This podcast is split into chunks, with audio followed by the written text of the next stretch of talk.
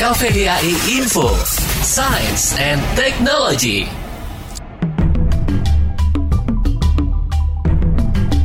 Tahukah Anda bahwa perlu 200 tahun untuk para peneliti dari luar negeri yakin bahwa babi rusa Sulawesi itu nyata, bukan hanya hewan dari negeri dongeng. Babi rusa Sulawesi adalah hewan yang telah lama menjadi kontroversi di Eropa sebelum Alfred Russel Wallace menemukannya pada tahun 1858 di Sulawesi. Karena menurut pendapat sebagian orang, hewan ini hanya ada di dunia dongeng. Dalam buku berbahasa Latin yang terbit tahun 1658 di Amsterdam, Indi Utrechtske Renatural et Medica, yang ditulis oleh Guglielmi Pisonis, terdapat gambar dua orang pria dengan beberapa jenis binatang yang cukup terlihat aneh. Salah satu hewan yang sangat terlihat aneh itu adalah hewan yang berbentuk seukuran anjing dan mempunyai empat buah taring yang sangat mengerikan. Sepasang taring muncul dari ujung mulutnya dan sepasang lagi keluar dari hidung yang melengkung hingga mendekati mata. Ekornya terlihat sangat kecil dan melingkar, dengan telinganya juga terlihat kecil dan berdiri tegak ke atas. Tapak kakinya juga terlihat seperti rusa. Menurut cerita, gambar ini dibuat oleh Pisonis berdasarkan tengkorak babi rusa yang ditemukan di Pulau Sulawesi akan tetapi karena bentuk dari binatang ini yang sangat aneh, maka kebanyakan orang hanya menganggap binatang di negeri dongeng.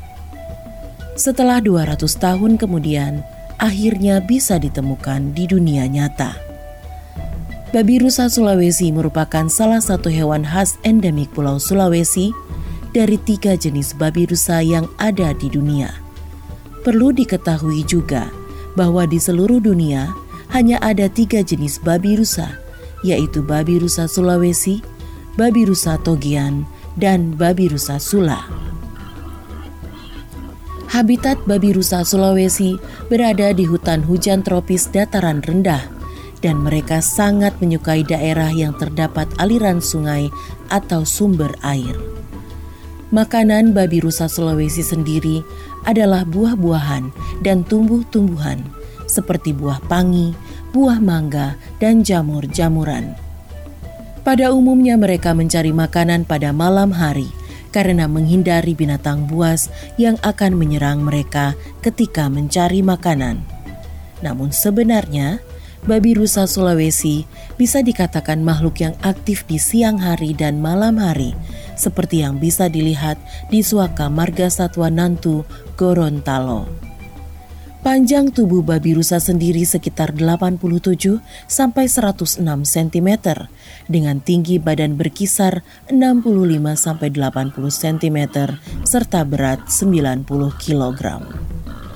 Untuk membedakan antara babi rusa jantan dan betina adalah taring yang ada di mulut mereka.